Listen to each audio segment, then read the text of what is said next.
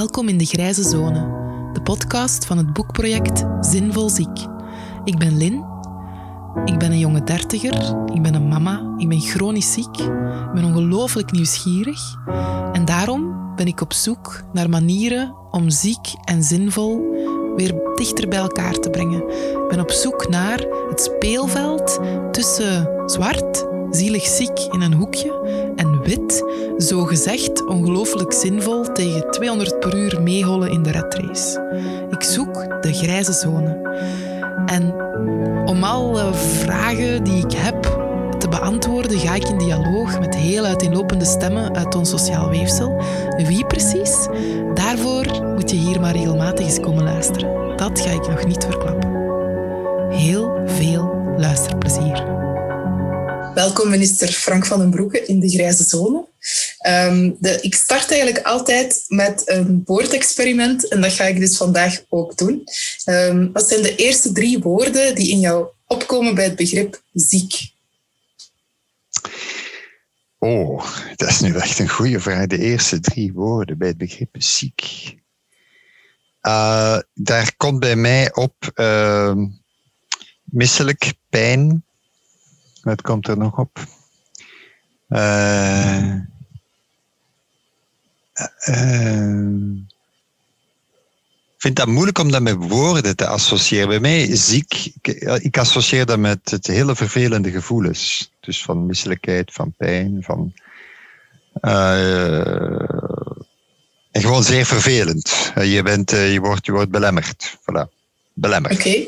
En als je hetzelfde doet voor het begrip zinvol, Welke drie woorden komen er dan? Um, het, uh, het, is pure associatie, dat is eigenlijk gewoon gevoelsmatig. Hè? Dit is niet taalkundig of zo. Uh, om te beginnen, wat, wat opkomt, is uh, prettig. Het is een prettig gevoel bij zinvol. Hè? Um, en wat ook opkomt, is doordacht. Dus zinvol is, is ja, je, iets, is iets, je doet iets doordacht, is zinvol. Um, uh, en waardevol. Oké, okay, en als je die twee nu bij elkaar plakt. Heel zinvol... tegenstrijdig op eerste gezicht, hè? Ja, oei, als je die bij elkaar plakt, zinvol ziek, wat is dan de eerste associatie die je daarbij krijgt? Iemand is ah. zinvol ziek als. Wel, ik, ik, um, dus ja, ik heb er niet hard over nagedacht, maar dat is waarschijnlijk ook de bedoeling van jouw woordspel.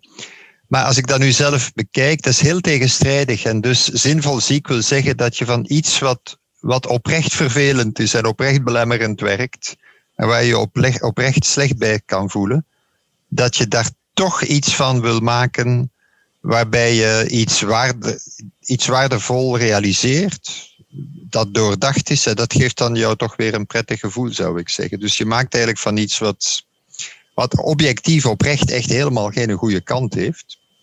Je gaat er toch een goede kant bij zoeken. Hè? Mhm. Ja, dat is natuurlijk het thema. Allee, de kansen die je daarvoor nodig hebt om dat te kunnen doen, is natuurlijk het thema van, van dit gesprek en eigenlijk ook van het, van het boek en van het boekonderzoek. Dus ik vroeg me af, um, hoe definieer jij gezondheid?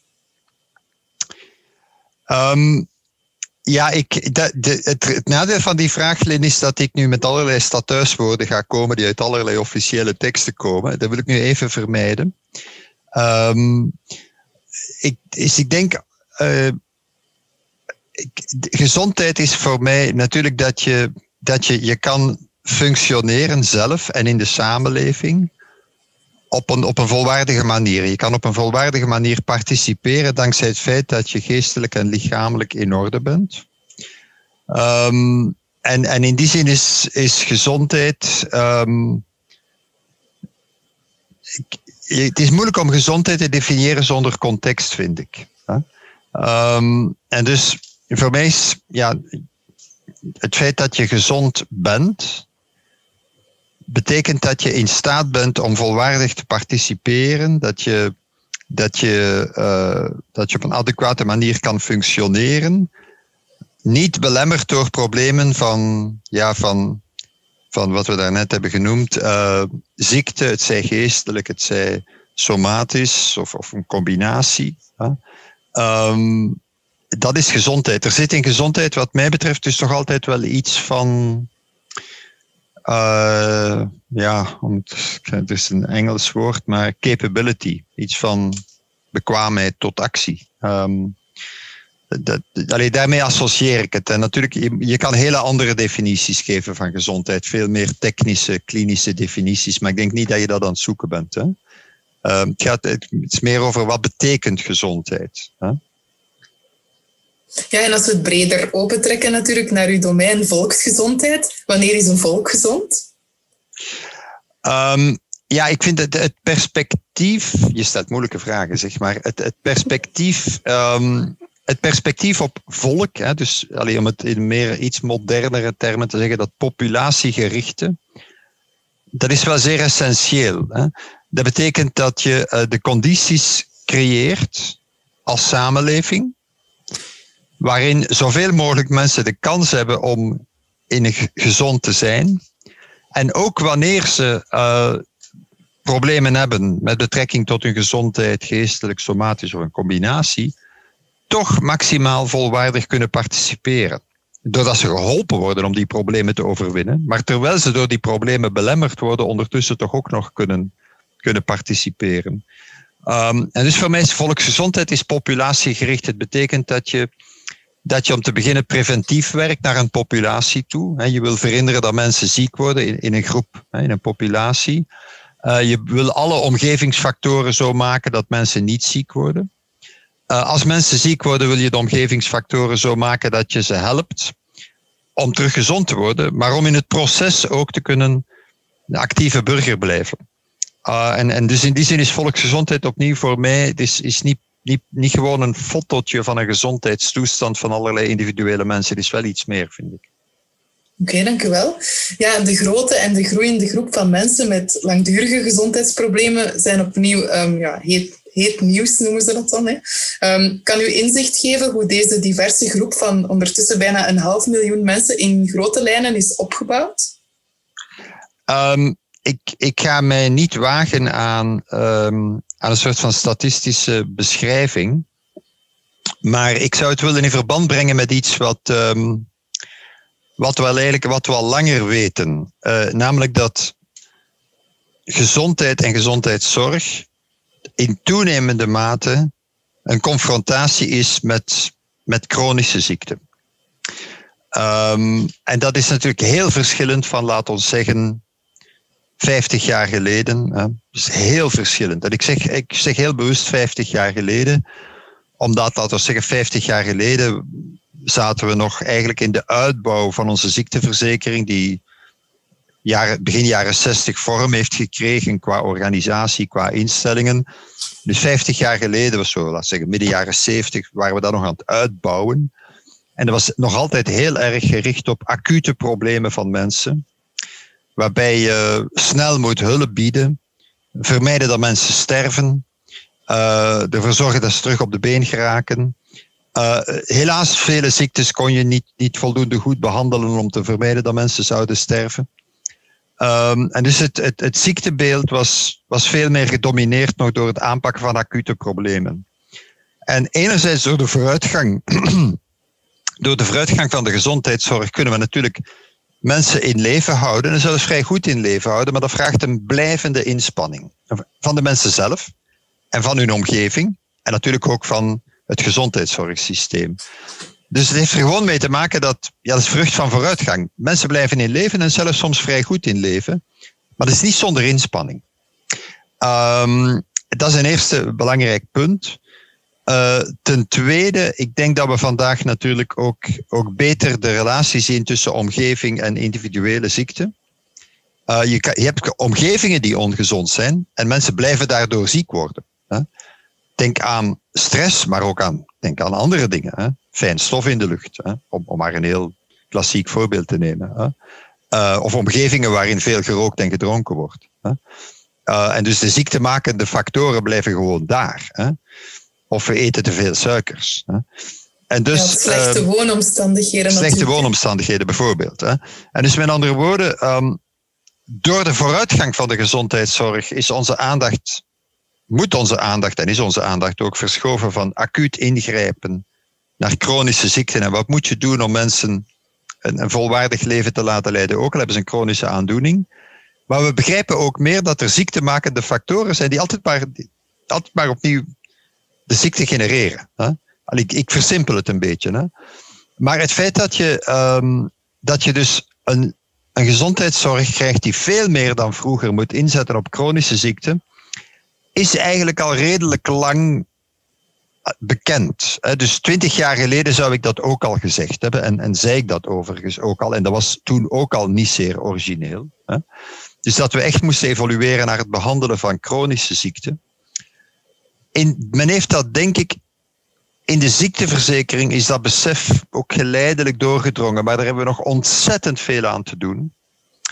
Allee, ik was vanmorgen, ik ga je een voorbeeld geven, ik was vanmorgen uh, te gast um, bij uh, De Sleep, dat is een wijkgezondheidscentrum in Gent. Maar in de, de ronde tafel waren niet alleen mensen van De Sleep, er was ook de voorzitter van de huisartsenverenigingen, iemand van een ander wijkgezondheidscentrum, de schepen van sociale zaken. We zaten daar rond de tafel buiten, dat was heel interessant. Ehm, en het ging onder meer even over geestelijke gezondheidszorg. En over de vraag, ja, wat doe je met mensen die ontslagen worden uit een, een instelling, uit een ziekenhuis, of die een tijdje intensief behandeld zijn? Wat doen we ervoor om, om die te blijven volgen en helpen? En heel veel van de problemen die we zien is omdat behandeling stopt gewoon. Iemand was in een ziekenhuis, oké, wordt ontslagen, niks meer of weinig. En dan moet die huisarts of, een, of een, iemand in eerste lijns psychologische hulpverlening in staat zijn om in samenwerking met degene die in het ziekenhuis opgetreden is, die mens verder te blijven ondersteunen en helpen. Dat betekent heel veel dat strijdig is met hoe we nu gezondheidszorg organiseren, omdat dat betekent dat die eerste en die tweede lijn voortdurend met elkaar moeten blijven praten. Voortdurend. En heel, heel vlot, informeel, met elkaar moeten kunnen blijven praten over die ene mens die eigenlijk ja, die moet blijvend beroep kunnen doen op hulp en ondersteuning. Uh, en ja, wij vertalen dat dan in, in ons jargon in uh, geïntegreerde chronische zorg enzovoort enzovoort. Um, maar dus, we weten dat al twintig jaar. Onze structuren passen ze er zich langzaam op aan, nog te langzaam. En wat nu naar voren komt, de laatste enkele jaren, is natuurlijk het besef dat dat ook in de wereld van het werk enorm ingrijpt, dat gegeven. Um, en dus ja, we daar moeten. Kom ik, daar kom ik straks heel graag op terug. Ja. ja en, dus, um, en dus ik denk dat dat eigenlijk het nieuwe is. Zou ik zeggen?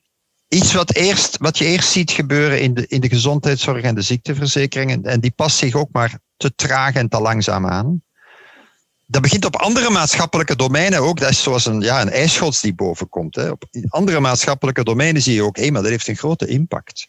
En pakken we dat wel goed aan. Hè. Uh, mensen die langdurig ziek zijn, mensen die niet, niet 100% genezen, maar eigenlijk wel zouden goed kunnen functioneren als je het mogelijk maakt. Hè. Um, en dus ik denk dat, um, ja, zo kijk ik daar tegenaan als iets wat, wat echt een, een radicaal ander beeld is dan 50 jaar geleden. Nog niet eens radicaal anders dan 20 jaar geleden, maar we zijn zo traag in het ons aanpassen daaraan dat je er soms wel ongeduldig van wordt. Oké. Ja, wat zijn volgens jou de grootste vooroordelen die vandaag leven over mensen op invaliditeit? Ja, ik ga het heel evident zeggen, Lin. Het, het grootste voordeel is natuurlijk dat, dat mensen er de kantjes van aflopen. Omdat ze de inspanning niet willen doen om, om uh, ergens opnieuw actief te worden. Uh, of zelfs dat ze het eigenlijk, ja, misschien zouden die wel op invaliditeit moeten zitten. Uh, en het nadeel van zo'n vooroordeel is dat je altijd wel het geval zal vinden waar dat klopt. Maar dat je natuurlijk ook talloze andere gevallen daarmee ja, eigenlijk onrecht aandoet met een stereotype. En dat mag je echt niet doen, vind ik.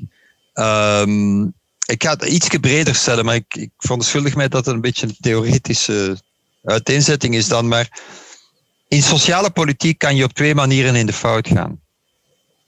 Je kan inderdaad op een naïeve manier genereus zijn, maar je kan ook te streng worden. Uh, er zijn twee manieren om in de fout te gaan.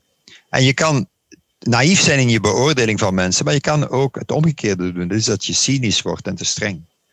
En ik denk dat we als samenleving de laatste, ja, laatste 20, 30 jaar een beetje de neiging hebben gehad om over te hellen naar cynische beoordeling. Beoordeling op basis van wantrouwen. Hè. Wat, wat niet wil zeggen dat je naïef moet zijn. Mensen zijn niet allemaal heilig. Er zijn mensen die er de kantjes van aflopen. Moet je kordaat voor ingrijpen in het belang van het systeem. Ik ben zelf nogal voor de kordate aanpak, bijvoorbeeld wanneer het gaat over werkloosheid. Als iemand zegt: Ik wil geen opleiding volgen, geen enkele opleiding, denk ik dat je heel kordaat moet zeggen: Ja, maar sorry, hè, maar dat gaat wel niet. Hè. Ehm, of als je een interessante job hebt voor iemand en blijkt dat hij daar eigenlijk echt naast wil lopen, naast dat aanbod, denk ik dat je dan moet zeggen, ja maar hé, hey, wacht eens even. Hè. Dus daar ben ik toch al voor de kordate aanpak. Maar anderzijds vind ik dat je een kordate aanpak mag niet vertrekken van het stereotype dat al die mensen willen profiteren. Nee. Hè. Er zijn mensen die er de kantjes aflopen, maar er zijn heel veel mensen die gewoon in een moeilijk parket zitten. Um, en, en ik denk dat je daar als samenleving moet het, ja, het goede midden vinden. Uh, en rond invaliditeit is dat inderdaad een van de, ja, een van de, een van de uitdagingen waar dat we voor staan. Hoe, hoe, vind je, hoe vind je een goede aanpak die recht doet aan de problemen van mensen en die ook echt helpt? Hè? Nu ja, dat profiteursbeeld, hè, woorden als dat zijn natuurlijk heel erg tekenend. Um, en ja, de groep waar ik zelf natuurlijk ook onder val, wij worden niet zelden herleid tot um, een probleem dat aangepakt moet worden, komt dan ook zo echt in de pers, of een meerkost of een gevaar voor de sociale zekerheid. Dus ik vraag me af, hoe kijkt u naar de verantwoordelijkheid van beleidsmakers zelf om die beeldvorming um, ja, een andere wending te geven? wel dubbel enerzijds denk ik, ik reageer spontaan op jouw vragen. Hè. Uh, enerzijds denk ik dat um, uh, het wel te maken heeft ook met taalgebruik en, en welke boodschap straal je zelf uit. Straal je een cynische, wantrouwige boodschap uit of straal je een boodschap uit van hoop en van vertrouwen en empowerment. Uh, dus wat is jouw taalgebruik daarin? en daar moet je ook het goede midden vinden soms tussen, tussen verschillende aspecten van een zaak. Maar anderzijds vind ik dat we ook moeten proberen een beleid te voeren dat gewoon succes heeft. Ik geloof in uh, de pedagogie van het succes. En dus uh, helaas is het beleid dat men de voorbije jaren heeft uh, willen voeren niet succesvol. Ja, en als het niet succesvol is, dan verandert het ook niks aan dat beeld. Ja? Integendeel, dan is een hond die gewoon achter zijn eigen staart loopt. Um, en dus um, ik denk dat onze verantwoordelijkheid is om een beleid met betrekking tot het creëren van kansen op werk, aangepast werk, werkbaar werk voor mensen die een, gezondheidsprobleem hebben. Ik denk dat we er vooral moeten voor zorgen dat we succes kunnen tonen en dat je een pedagogie krijgt van het succes. Dat vind ik het belangrijkste. Dat is ook het moeilijkste, want dat heb je ook niet onmiddellijk. En daarnaast is gewoon jouw, jouw taalgebruik. Hoe ga je daarmee om? Hoe spreek je daarover? Oké, ja, mensen die langdurig uitvallen terug aan het werk krijgen, is politiek inderdaad een grote prioriteit. Um, kan je inzicht geven in, in jouw strategisch plan? Um, ja, maar ik zeg het nog met enige voorzichtigheid, omdat ja, ik, ik ga een excuus gebruiken. Ik zou zeggen, ja, maar het is flauw excuus, maar ik ga het toch maar gebruiken. Mijn hoofd zit vol met COVID. Van morgens tot s avonds en daardoor ben ik hier iets minder in vooruit geraakt dan ik wel zou willen. Want ik vind het een heel cruciale uitdaging. En dus wij hebben eigenlijk een aantal dingen op de tekentafel liggen waar wij ondertussen nogal van overtuigd zijn. Maar ik moet de tijd kunnen vinden om dat samen met een aantal collega's op hoog niveau te bespreken en dat echt in gang te duwen. En, zover ben ik nog niet. Maar ik ga jou een paar algemeenheden zeggen, Lin. Um, om te beginnen is het een belangrijke uitdaging, ja En het is voor mij een hele belangrijke werf. Dat vind ik al, allee, ik zeg dat niet zomaar, want als je zegt iets is een belangrijke werf, dan zeg je daar gaan we ons echt moeten mee bezighouden. Daar moeten we ook op afgerekend worden. Um, ten tweede, um, wat willen we bereiken? We willen eigenlijk bereiken dat mensen die een gezondheidsprobleem hebben, uh, zo snel mogelijk um, terug actief kunnen zijn in de arbeidsmarkt in een job die aansluit bij haar of bij zijn wensen. En als ik dat zeg, dan zit er daar wel, ja, dat is natuurlijk ook weer stadhuistaal, zal je zeggen, hè? dure, mooie woorden. Maar ze zouden iets moeten betekenen. Namelijk als ik zeg zo snel mogelijk, is inderdaad snel betekent dat je, dat je niet een jaar wacht. Hè. Iemand valt uit. Na een jaar is die in invaliditeit misschien. En dan zeg je oei. Hè? Dat mag je absoluut niet doen. Je moet dus snel kunnen ingrijpen en snel een veelheid van mogelijkheden proberen te creëren. Bij de werkgever zelf, bij, misschien bij een andere werkgever.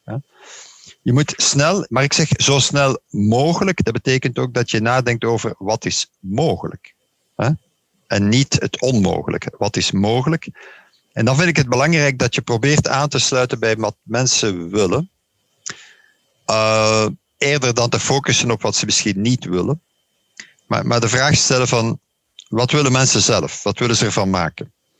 Um, uh, wij, wij denken dat het huidige beleid ook onvoldoende uitgerust is om die zo geformuleerde doelstellingen zo snel mogelijk, mogelijk, snel mogelijk, terug in de arbeidsmarkt. Iets wat aansluit bij wat mensen, uh, bij wat de wensen en de mogelijkheden zijn van mensen. We denken dat beleid daar niet goed voor uitgerust is. Uh, en dat, je zal dat probleem kennen waarschijnlijk al beter dan ik. Um, het huidige apparaat bestaat in belangrijke mate voor mensen die in invaliditeit terechtkomen uit medische adviseurs bij ziekenfondsen. En om te beginnen is dat, ja, dat is geen eindeloos grote groep mensen. Dat is een beperkte groep mensen. Die heeft ook een, dat een traditionele rol. Uh, en wat wij denken is dat je die groep gewoon sterker moet maken. Maar je moet die sterker maken ook op een, door er wat een, ja, een twist aan te geven. Is dat wat je eigenlijk moet doen, is dat je dat je mensen ter beschikking stelt die ondersteuning bieden uh, voor alles wat te maken heeft met de zoektocht van iemand die ziek is geworden en die niet onmiddellijk teruggenezen is. De zoektocht naar, naar, naar werk, naar mogelijkheden. Bij de eigen werkgever, eventueel bij een andere werkgever. Uh, mits opleiding, mits een heroriëntatie. Dus wat je nodig hebt is iemand die echt coacht en helpt in die, die, die, die weg terug naar werk. Um, en dat is wel wat meer dan wat het traditionele, hoe zou ik zeggen, uh, mission statement is van de medisch adviseur. Dus als ik het goed begrijp, is dat de paramedici nog aanvullen met bijvoorbeeld uh, bemiddelaars, jobcoaches. Alleen mensen uit dat werkveld die dan echt nog bij het team van de adviserend arts zouden komen. Ja, eh, dat is eigenlijk het model waar we nu aan denken. En dat, wij vinden daar ook een basis voor in het regeerakkoord, maar ik moet het echt nog wel gaan uitrollen. Um, dus je moet eigenlijk iemand hebben, je, je, je, bent, je hebt een gezondheidsprobleem. Je valt uit uit het werk. Je moet iemand hebben die je kun, kan aanspreken over, over de hele gamma van, van moeilijkheden waar je voor staat. Hè? Um, en die jou de, vrij snel op jouw maat kan helpen. Hè? Om die weg terug naar werk uh, aan te vatten. Um, en dus, het is inderdaad niet een puur medische expertise die daar nodig is. Dat, dat is wel belangrijk. Dus het gaat niet over nog eens een aantal medici. Alleen met alle respect voor de medische expertise, die heb je ook nodig. Hè? Um, maar dus je moet, je moet kunnen in gesprek gaan met iemand die, die jou helpt exploreren van wat zijn hier mijn mogelijkheden, wat kan ik doen. En dat is op zichzelf ondersteunend, denken wij. Uh, ik heb dat hier nu zo gemakkelijk verteld, maar dat veronderstelt dat er daar een politiek akkoord over is om dat zo te doen en dat er ook de middelen zijn om dat zo te doen.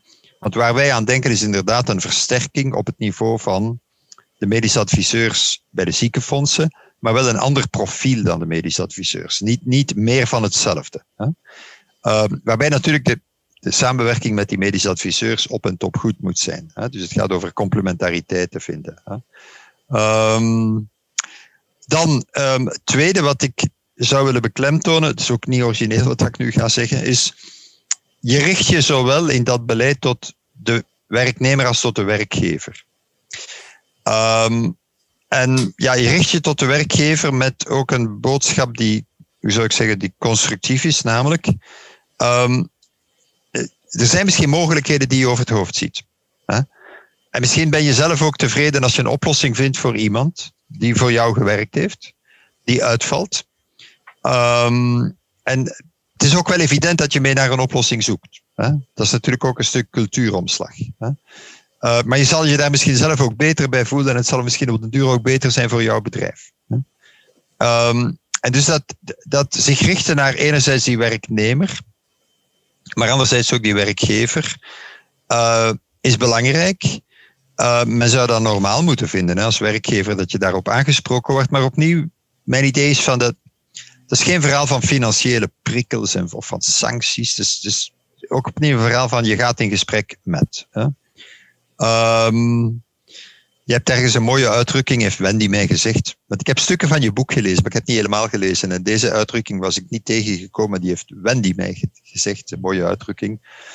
Uh, meer weerbaarheid van wie kwetsbaar is en meer zachtheid bij wie onwetend is. Er zit misschien wel soms een beetje onwetendheid, en dat is geen verwijt, bij werkgevers, personeelsdiensten enzovoort. Um, derde element is een redelijk, ook weer tamelijk vanzelfsprekend, beetje open deur intrappen. Maar ik moet het er wel echt aan toevoegen. Dat is dat wij hele goede samenwerking willen met de collega's die in uh, de gewesten verantwoordelijk zijn, mevrouw Krevits bijvoorbeeld in Vlaanderen, uh, die grosso modo ook een aantal ambities heeft die wij delen. Dus ik zie daar, niet, ik zie daar vandaag geen tegenstelling, maar ik moet het gesprek met mevrouw Krevits op, echt nog wel op dat niveau voeren. Maar ik zie, ik zie dezelfde, een aantal overeenkomsten. Ik zie dat mevrouw Krevits zegt, ja, wij willen ook dat mensen snel geholpen worden. Wij willen dat het effectief is. En dus met andere woorden, ik denk dat wij een nauwe samenwerking moeten opzetten met mevrouw Krevits en met collega's uit de andere gewestregeringen. En nauwe samenwerking betekent natuurlijk ook dat je goede afspraken maakt over uitwisseling van gegevens, over opvolging. Uh, dat zijn ook financiële afspraken over hoe beoordeel je opleidingstrajecten, hoe beoordeel je begeleidingstrajecten. Dus vereist wel heel wat afspraken, maar daar moeten we nieuw leven in blazen in dat afsprakenkader. Hè. Ik heb uh, Hilde Krevits haar actieplan gelezen, hè, met veel interesse en ook met het nodige gefrons, moet ik eerlijk zeggen. Um, en ik, ik, las daar ook wel in dat ze inderdaad um, uitkijkt naar nauwe samenwerking op federaal niveau. Dus ik vroeg me wel af waar je precies dan die kruisbestuiving mogelijk ziet. Hè. Welke punten die, dat je zegt van oké, okay, daar zit echt overlap. Kan je er een aantal benoemen? Um, dat vind ik moeilijk om te overlap vind ik Hm. Er is complementariteit, maar je moet het gewoon in dezelfde strategie aanpakken. Hè? Um, dus men, er zijn een aantal Vlaamse instrumenten. Evident, hè? Alle dingen die te maken hebben met opleiding, met bemiddeling, maar ook financiële steunverlening. Hè? Ondersteuningssystemen voor mensen met een arbeidshandicap. Uh, de VDAB speelt daar een belangrijke rol in. Je zal, ik weet niet of je dat weet, het is geen, geen zeer belangrijk wapenfeit, maar ik heb vele jaren geleden was ik in de Vlaamse regering verantwoordelijk ook voor werk. En ik heb op dat moment eigenlijk het domein dat te maken had met, uh, met mensen met een arbeidshandicap, ik heb dat toch veel dichter betrokken bij wat de VDAB deed. Niet met de bedoeling van een eenheidsworst te creëren in de aanpak, hè, maar omdat ik vond dat ik dacht dat we kunnen meer kansen creëren naar werk als we echt de VDAB daar centraal voor verantwoordelijk maken. Uh, de VDAB heeft dus instrumenten, en er zijn ook financiële instrumenten, hè, die ken je in, in, in het Vlaamse beleid. En dus voor mij is daar meer een kwestie van, Wendy moet mij misschien verbeteren, want uh, Wendy heeft er misschien een ander zicht op, dus aarzel niet om mij te verbeteren, Wendy. Maar het is meer een kwestie van complementariteit. Dus wij, hebben, wij kunnen dingen doen, zoals bijvoorbeeld de teams van de medisch adviseurs versterken. Versterken in de betekenis van er andere competenties binnenbrengen en een beetje andere cultuur binnenbrengen. Snelheid, dus, dus tijd, niet geen tijd laten verloren gaan, maar dat wil mevrouw Krevits ook. Uh, geen tijd laten verloren gaan om, om tijdig in te zetten op instrumenten die de Vlaamse regering heeft. Maar dat is complementariteit. Ik wil niet te veel overlap, eerlijk gezegd. Er is ook een, um, er, is ook, ja, er zijn ook een paar financiële issues, maar daar wil ik jou. Er zijn altijd vervelende issues. Daar wil ik jou niet te veel mee lastigvallen. Maar, maar er zijn ook financiële issues van wie financiert wat en hoe verdeel je de financiële inspanning. Daar moeten we ook over spreken met de gewesten. Hè. Ja, ik heb um, nogthans wel zelf een paar financiële vragen. Ik hoop dat dat ook oké is. Want ik heb natuurlijk ook bij lotgenoten gehoord, uh, allee, ja. rondgehoord van hey, waar zitten jullie mee als het, als het uh, aankomt op, op werken en chronisch ziek zijn. En dan krijg ik toch heel vaak mensen die um, ja, enerzijds met, met weinig flexibiliteit zitten in de combinatie werk en uitkeringen. Dus dat is een eerste ding waar, waar ja. ik u graag iets over zou vragen. En um, de fiscale val. Want eh, laat ons eerlijk zijn, dat, ik zit nu in die situatie. Ik ben sinds januari in loondienst. Ik word eindelijk op universitair niveau betaald. Uh, maar dat is maar deeltijds. En ze kunnen mij nergens zeggen ehm, wat dat de impact op mijn belastingen zal zijn. Zeggen, ja, dat, dat kunnen we niet berekenen, dat is zo. Maar gegarandeerd, allee, ik heb ook al verhalen gehoord van mensen die dan het jaar daarna duizenden euro's moeten betalen aan belastingen. Terwijl dus, dan is dat maar een schijn van financiële leefbaarheid op je bankrekening. En het jaar daarna is dat dag. Um, dus het, het is ja, ik kan dat niet begrijpen. Want ze zeggen altijd werken moet lonen. Maar natuurlijk, als dat alleen maar op het moment zelf op je, op je bankrekening even zo lijkt. En dan daarna allee, eindigt je soms met minder dan dat je zou hebben als je puur op je uitkering blijft. Ja, dan dat gaat natuurlijk niet. Hè? Dus um, dat ja, zijn dingen ik, ik, um, ik, ga een beetje voorzichtig zijn daarin. Uh, omdat ik, ik ben voorzichtig in beloven. Allee, mijn, mijn motto in de politiek is, je moet de mensen verrassen doordat je meer doet dan dat je beloofd had. Dus vooral minder beloven dan wat je gaat doen. Hè. Um, maar dus, ik ben nogal voorzichtig in beloven. Uh, en dus ik wil niet de indruk wekken hier dat ik beloof van dit probleem op te lossen. Ik wil misschien eerst iets zeggen.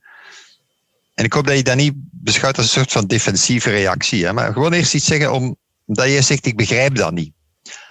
Um, waar hebben we mee te maken? Uh, we hebben te maken met, met iets wat een heel moeilijk dilemma is voor mensen die bezig zijn met het ontwerpen van beleid. Het dilemma is het volgende. Je wilt niet dat mensen die van een uitkering leven, dat die daardoor in armoede leven. Stel, je vindt geen werk, hè. het lukt jou niet, je hebt alleen maar die uitkering. Uh, dus we willen niet dat mensen die van een uitkering leven, daardoor in armoede leven. Dus die uitkering moet goed genoeg zijn. Um, en bovendien, wat men dan vaak eh, heeft gedaan, is dat dan ook de, de belasting die weegt op die uitkering, ja, die wordt dan ook verminderd. Het is een minder zware belasting, want je wilt niet dat die mensen in armoede terechtkomen. En langs de andere kant heb je nog iets anders in je hoofd. Je zegt, ja, als iemand aan het werk gaat, dan moet hij toch het verschil voelen. En daar ontstaat de hele moeilijkheid, namelijk je wilt niet dat diegene die alleen van de uitkering leeft, in miserie leeft. Dus je wilt dat die een inkomen heeft dat echt wel goed genoeg is. En dan zeg je, en als die werkt, moet het nog beter zijn. Um, en dat lukt niet altijd goed. Uh, om, de, om de eenvoudige reden dat we inderdaad op, op werken een ander soort belastingstelsel toepassen. Dat zwaarder weegt. Um, en we willen, de oplossing kan niet zijn van te zeggen, we gaan die uitkering nu eens verminderen. Of we gaan de belasting verhogen op wie een uitkering heeft. Want dan ga je daar gewoon meer armoede krijgen. Dat kan de oplossing niet zijn. De oplossing kan zijn dat je zegt, we gaan toch eens nadenken over hoe je, als je die overstap maakt van, van inactief naar een stukje actief en helemaal actief, hoe maak je die overstap goed? en inderdaad belonend. En da daar worstelen we nu al twintig jaar mee. Dat is echt twintig jaar worstelen. En de reden waarom we daarmee worstelen is precies dat dilemma. Je wilt, je wilt niet dat mensen met alleen een uitkering in miserie leven. Die moeten ook een goed inkomen hebben. En dan zou het nog beter moeten zijn, toch, als je gaat werken. Ik denk dat daar verbetering mogelijk is, maar die verbetering is, we hebben daar al twintig jaar aan gesleuteld. En in alle eerlijkheid, het moeilijkste, meest ambetante probleem zit daar precies bij mensen die deeltijds aan het werk gaan. Je hebt een, je hebt een uitkering en dan hoeft. Je vindt ergens een deeltijdse oplossing. Dat kan heel goed, heel goed zijn voor jou. En dan is dat belastingssysteem een. Uh, dan krijg je inderdaad een kater van, van wat het uiteindelijk betekent voor jouw portemonnee. Maar het is twintig jaar lang al dat men daarmee worstelt. Hoe krijgen we dat nu goed? Precies omdat je met dat dilemma zit van, van doelstellingen. Um, ik zeg niet dat we daar niet verder aan moeten werken. Ik ben blij dat je het op tafel legt. Dat betekent dat we er verder moeten over nadenken. Maar de oplossing hangt onder meer wel samen met het feit dat we gewoon belastingen op iemand die niet veel verdient door te werken, dat die eigenlijk een beetje naar beneden zouden moeten gaan nog. Dat is de enige goede oplossing.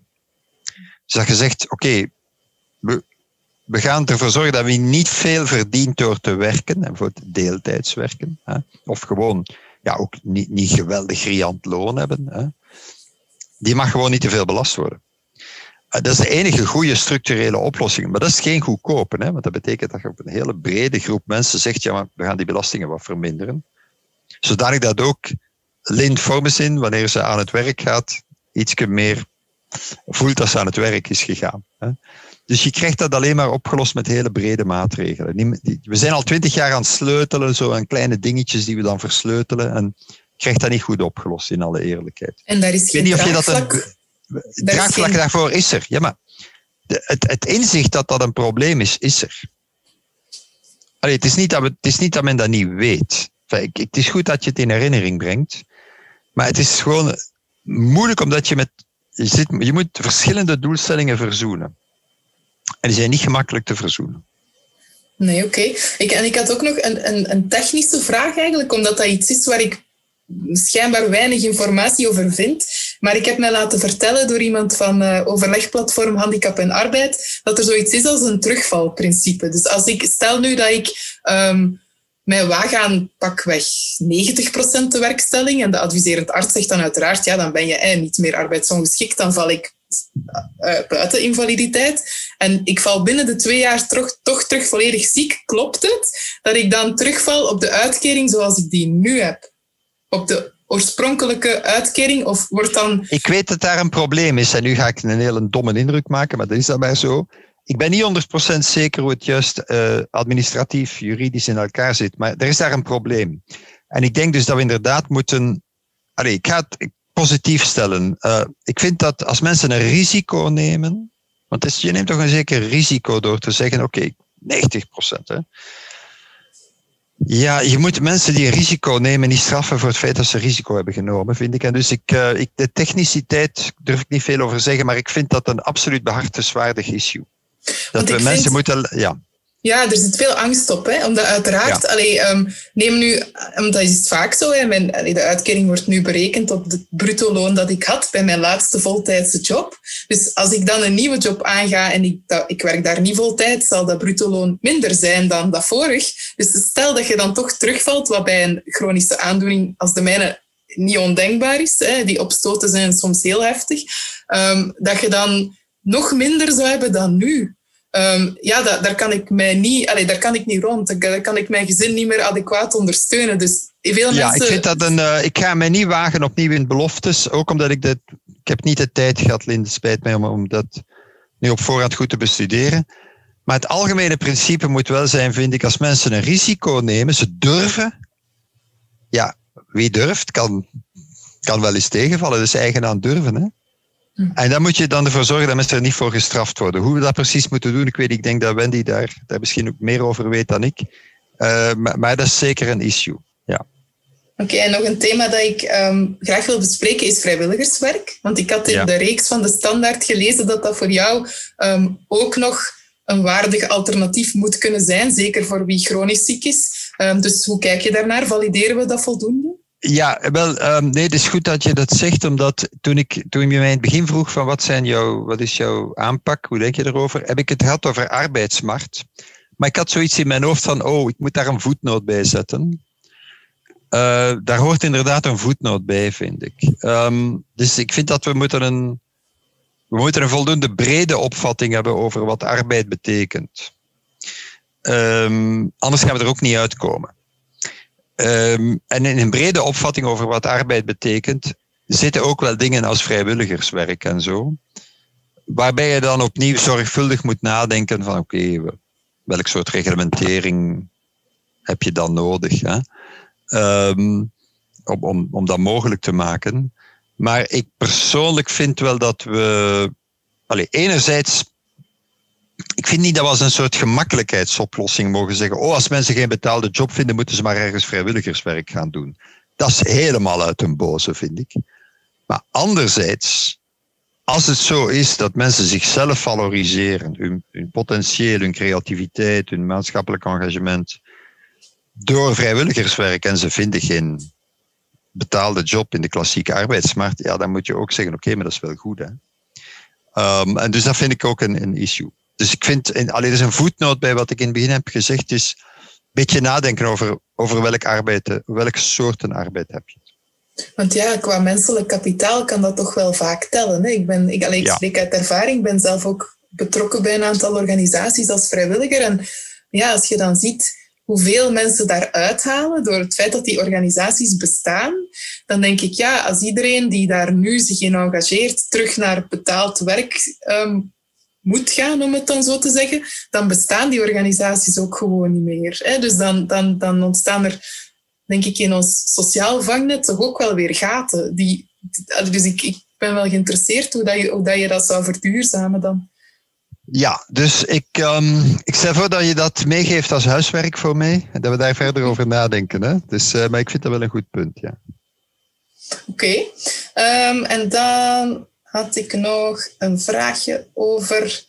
Um, ah ja, uiteraard ervaringsdeskundigheid. Hè? Want ik, allee, in al die actieplannen, als je die leest, eigenlijk eerlijk gezegd de, de, de rol um, of de inbreng van de, van de persoon zelf, de persoon met de ziekte zelf, die staat nergens. Het is bijvoorbeeld bij Crevit is het VDAB, de VDAB, de VDAB, de VDAB heeft de regiero, VDAB. En dan denk ik, ja, of dan is het de bedrijfsarts of dan is het de adviserend arts, maar nergens staat er welke rol dat de persoon zelf dan krijgt. Dus ik vraag me af van ja, hoe kijk je naar de waarde van ervaringsdeskundigheid, de plaats die dat zou mogen innemen. Hè? Want in ziekenhuizen, daar zijn al doctoraten over geschreven, de meerwaarde van ervaringsdeskundigen betrekken, patiëntexpertise, maar natuurlijk in beleid zou dat ook prima kunnen.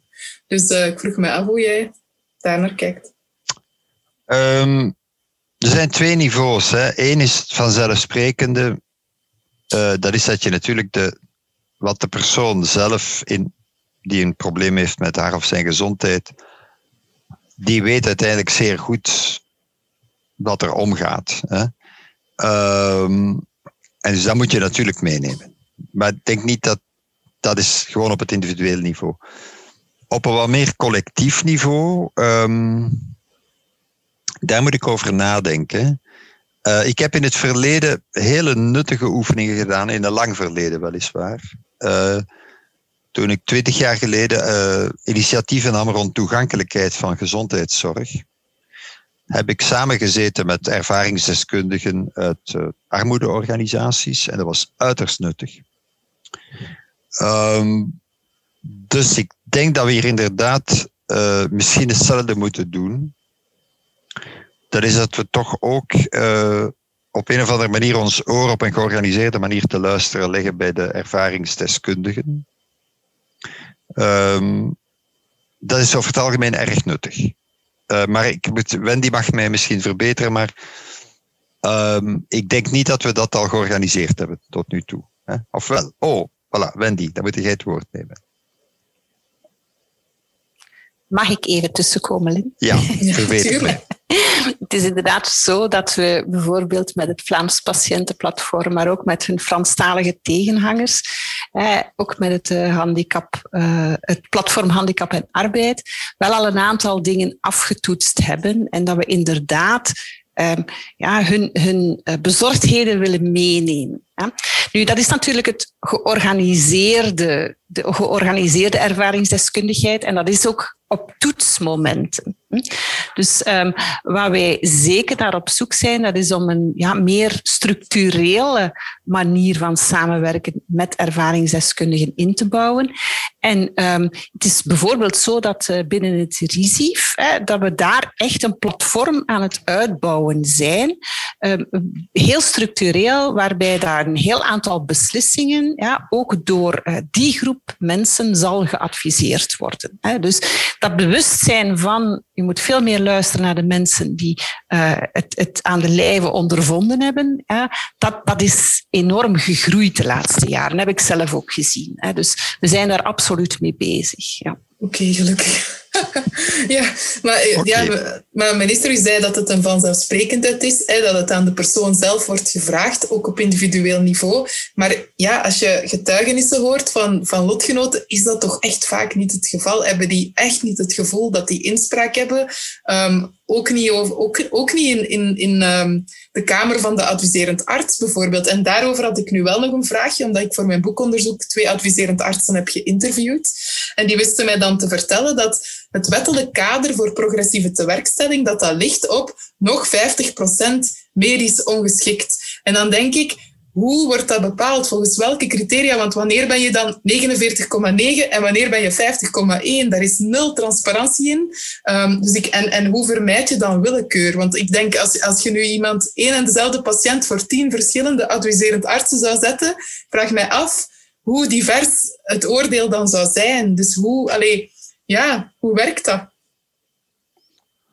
Um, daar durf ik ook niet zomaar voor de vuist een antwoord op geven. Um, om te beginnen heb je dat, dat probleem dat je, uh, als je schaal hanteert, dat je die schaal moet gebruiken en dat dat een beoordeling is door een professional. Hè, die het in zelf een oordeel invoert. Hè. Um, dat is een beetje onvermijdelijk. Dus als je mij nu vraagt hoe werkt dat, ja, dan ben ik geneigd om te zeggen dat werkt zoals elke schaal. Dat is redelijk duidelijk voor de betrokken mensen, dus voor de, de groep van professionals, in dit geval medische adviseurs die daarmee bezig zijn. Maar dat gaat natuurlijk altijd over een individueel oordeel. Hè. Um, heb jij het gevoel dat daar, dat daar echt willekeur in is? Oh, is ja, en, en dat gaat niet alleen over terug naar werk of niet, maar bijvoorbeeld voor mijn specifieke aandoening, spondyloartritis, is het aangewezen om een e-pathologie te hebben voor kinesiotherapie. En daar, ik, ben nu bestuurslid van de vereniging voor die specifieke diagnose.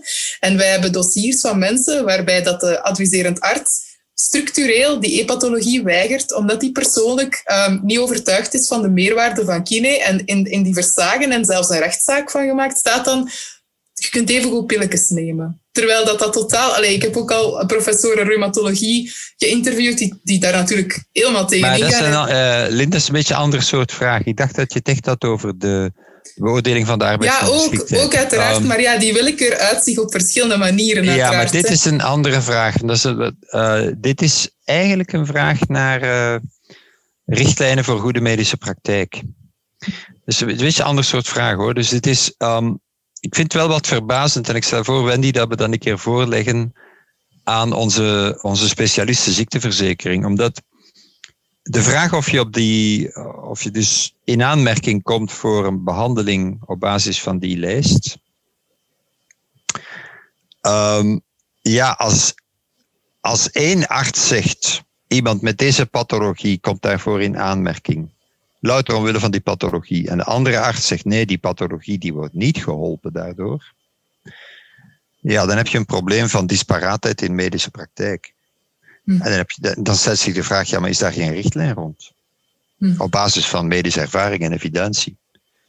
Uh, en dan vind ik dat je dat moet, dat moet ja, dan moeten we dat aankaarten. Ik stel voor dat we dat eens bekijken in het concrete geval. Ik durf daar niks over zeggen. Nee, nee, maar ik wou, eigenlijk, ik wou dat voorbeeld eigenlijk ook niet aanhalen. Maar nee, nee, nee, nee, maar ik, ik, ik, gewoon nee, nee, thema willekeur. Ja, mm, ja maar, ik vind dat. Het, um, dus...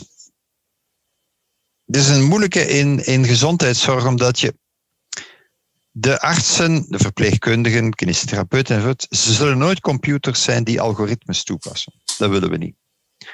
Ze zullen altijd een oordeel vellen over wat ze zien en besproken hebben met de patiënt. Dat is wat we willen.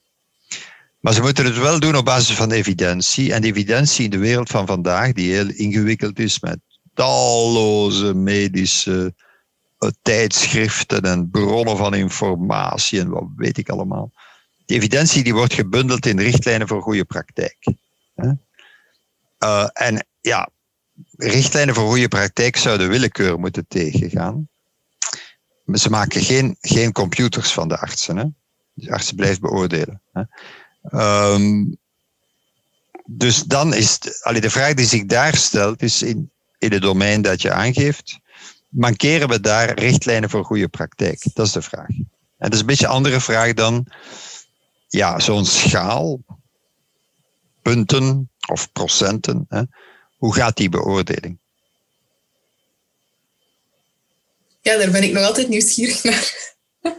of er vaste criteria zijn dan om te komen tot ben jij ja, nog die zijn, die zijn er, maar ik, ja, die zijn er, Lin, maar ik kan die, ik kan die niet uit mijn hoofd uh, ja, nee, opzommen. Nee, nee. Uh, maar die zijn er. Oké. Okay. Um, ja, ik heb nog, nog een laatste vraag die ik eigenlijk aan een heel aantal gesprekspartners heb gesteld. Ehm, hier in de grijze zone. En dat is de tovervraag. Namelijk, ehm, als jij een toverstok zou krijgen met net genoeg magie om van, om van vandaag op morgen drie dingen te veranderen aan het systeem. Dat mag de zorg zijn, maar dat mag breder zijn. Waar zou je zwaaien? Ik zou zwaaien in de bedrijven. Als ik een toverstok had, hè, ik zou het beginnen zwaaien in de bedrijven. Dus ik denk dat zowel het voorkomen van het uitvallen van mensen, als het snel terug kansen geven aan mensen, is in, in zo belangrijke mate een kwestie van bedrijfscultuur en organisatie. Dus ik zou daar beginnen met mijn toverstokje. Ik zou wensen dat daar een heel andere cultuur ontstond. Uh, waarbij men inspanningen doet om mensen terug te integreren en blij is als dat lukt. En dat beschouwt ook als een meerwaarde voor, voor het bedrijf. Hè. Uh, daar zou ik op beginnen met mijn toverstokje zwaaien. Vervolgens zou ik toch wel eens langs gaan bij de ziekenfondsen. Uh, dat ik met mijn toverstokje zwaaien, om een soort van extra, extra, hoe gaat dat dan, hè? Elfjes en kabouters te krijgen of zoiets. Hè? Uh, maar daar zou ik met mijn toverstokje zwaaien om, die, om, om bij de medische adviseurs andere mensen te krijgen met een wat ander profiel, maar die heel goed samenwerken en zich goed verstaan met die medische adviseurs. Om ja, veel meer te doen dan alleen maar een beoordeling door een arts. En sneller en breder en in gesprek met de patiënt. Dat zou, daar zou ik ook met mijn toverstafje langs gaan. Eigenlijk. En ja, natuurlijk terugkomend op het, wat jij daarnet zei, omdat je van toveren spreekt, en daar moet je echt wel een toverstaf voor hebben. Ik zou met mijn toverstafje eh, langs gaan bij de mensen die bezig zijn met het uitwerken van sociale uitkeringen en fiscale systemen. En ik zou zeggen, los mij dat dilemma dat we nu al twintig jaar lang kennen. Van hoe we langs de ene kant mensen die in uitkering leven niet in armoede laten terechtkomen. En langs de andere kant ervoor zorgen dat ze aan het werk gaan, dat ze toch ook nog vooruit gaan vind mij daar nu eens een goede oplossing voor. Daar heb ik echt een toverstaf voor hebben. Oké, en heb je afsluitend nog een boodschap voor eender wie dit gaat beluisteren? Um, mijn boodschap zou zijn van, um, toch wel in zijn van hoop. Um, ik denk dat er veel ten goede kan veranderd worden in de wereld van het werk en in hoe we daarmee omgaan. En dat is echt wel de sleutel. En het is een beetje een raar moment om dat nu te zeggen, omdat ja, we zitten nu met COVID en bedrijven kunnen maar op halve kracht werken en er moet telewerk zijn en allerlei moeilijke dingen. En sectoren zijn gesloten en de economie is achteruit gegaan. Dus, maar ik, ook op zo'n moment moet je zeggen, ja maar een bedrijf kan zoveel meer dan alleen maar alleen maar uh, iets produceren en, en, winst maken. Een bedrijf kan een omgeving zijn waarin je mensen gelukkig maakt en waarin je het potentieel van veel mensen valoriseert. En uh, laten we, we mogen echt hoop hebben dat dat mogelijk is. Ja, dus de maatschappelijke rol uh, ja. voor bedrijven. Ja. Oké. Okay. Oké, ja. Um, ik, helaas is het niet... Ik wou u eentje cadeau doen, een boek natuurlijk, met een persoonlijke boodschap. Maar helaas konden we elkaar dus niet oog in oog treffen vandaag. Maar eh, ik mag um, van uitgever Elano uit alvast meedelen dat er een boek onderweg is. Dus, uh, oh, dat is, heel, dat is heel tof van de uitgever. Dank u wel. Er komt eentje jouw kant op. Ja. Um, ja, dan kan ik, rest mij nog hè, om u te bedanken voor de tijd en um, ja, voor de input. En ik hoop daar, allee, of de dingen die je nu hebt aangekaart, ik hoop in de toekomst daar alleszins vooruitgang in te zien. Ik denk, uh, ik denk dat veel mensen daarop zitten te wachten. Um, ja, dank okay. wel. Zeer goed, bedankt. Bedankt voor het gesprek en, en de inspiratie. En ook veel succes met jouw persoonlijke projecten, zou ik zeggen. Dank u wel. Bedankt, hè. Dag.